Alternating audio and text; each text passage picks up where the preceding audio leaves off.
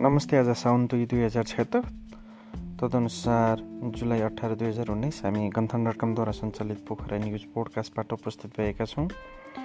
गण्डकी प्रदेशको बजेट खर्च उन्साठी प्रतिशत मात्रै। पोखरामा कुखुराको खोरमा चितुवा पस्यो डाटिङ गरी नियन्त्रणमा लिइयो र दमौलीमा दमौलीबाट एक लाख पचहत्तर हजार घुस रकमसहित दुईजना पक्राउ।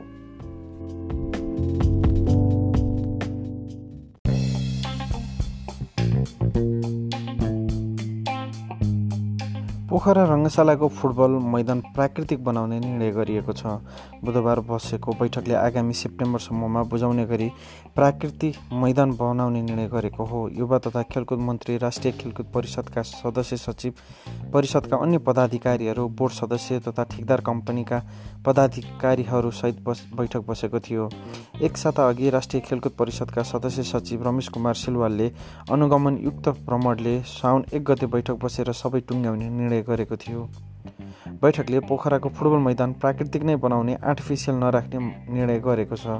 बैठकपछि बोल्दै राष्ट्रिय खेलकुद परिषदका बोर्ड सदस्यले भने मैदान आर्टिफिसियल नबनाउने निर्णय गरी टुङ्ग्याइयो तर डिजाइनको फाइनल भने अर्को बैठकले टुङ्ग्याउनेछ। उनका अनुसार आगामी शुक्रबार फेरि बैठक बसेर डिजाइन फाइनल गरिनेछ।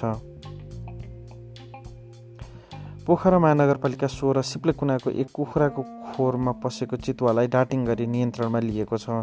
स्थानीय शोभित बहादुर केसीले पालेका पाँच सय कुखुरा रहेको खोरमा मङ्गलबार राति चितुवा पसेको थियो।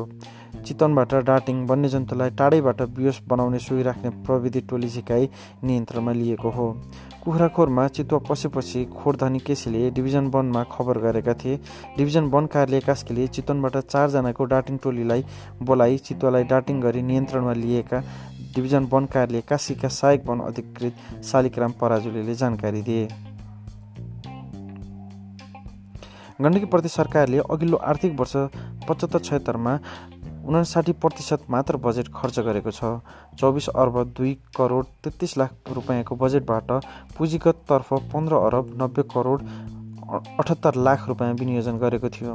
बाँकी आठ अर्ब एघार करोड पचपन्न लाख रुपियाँ चालुतर्फ छुट्याइएको थियो जसमध्ये तेह्र अर्ब पन्चानब्बे करोड चौहत्तर लाख खर्च भएको छ।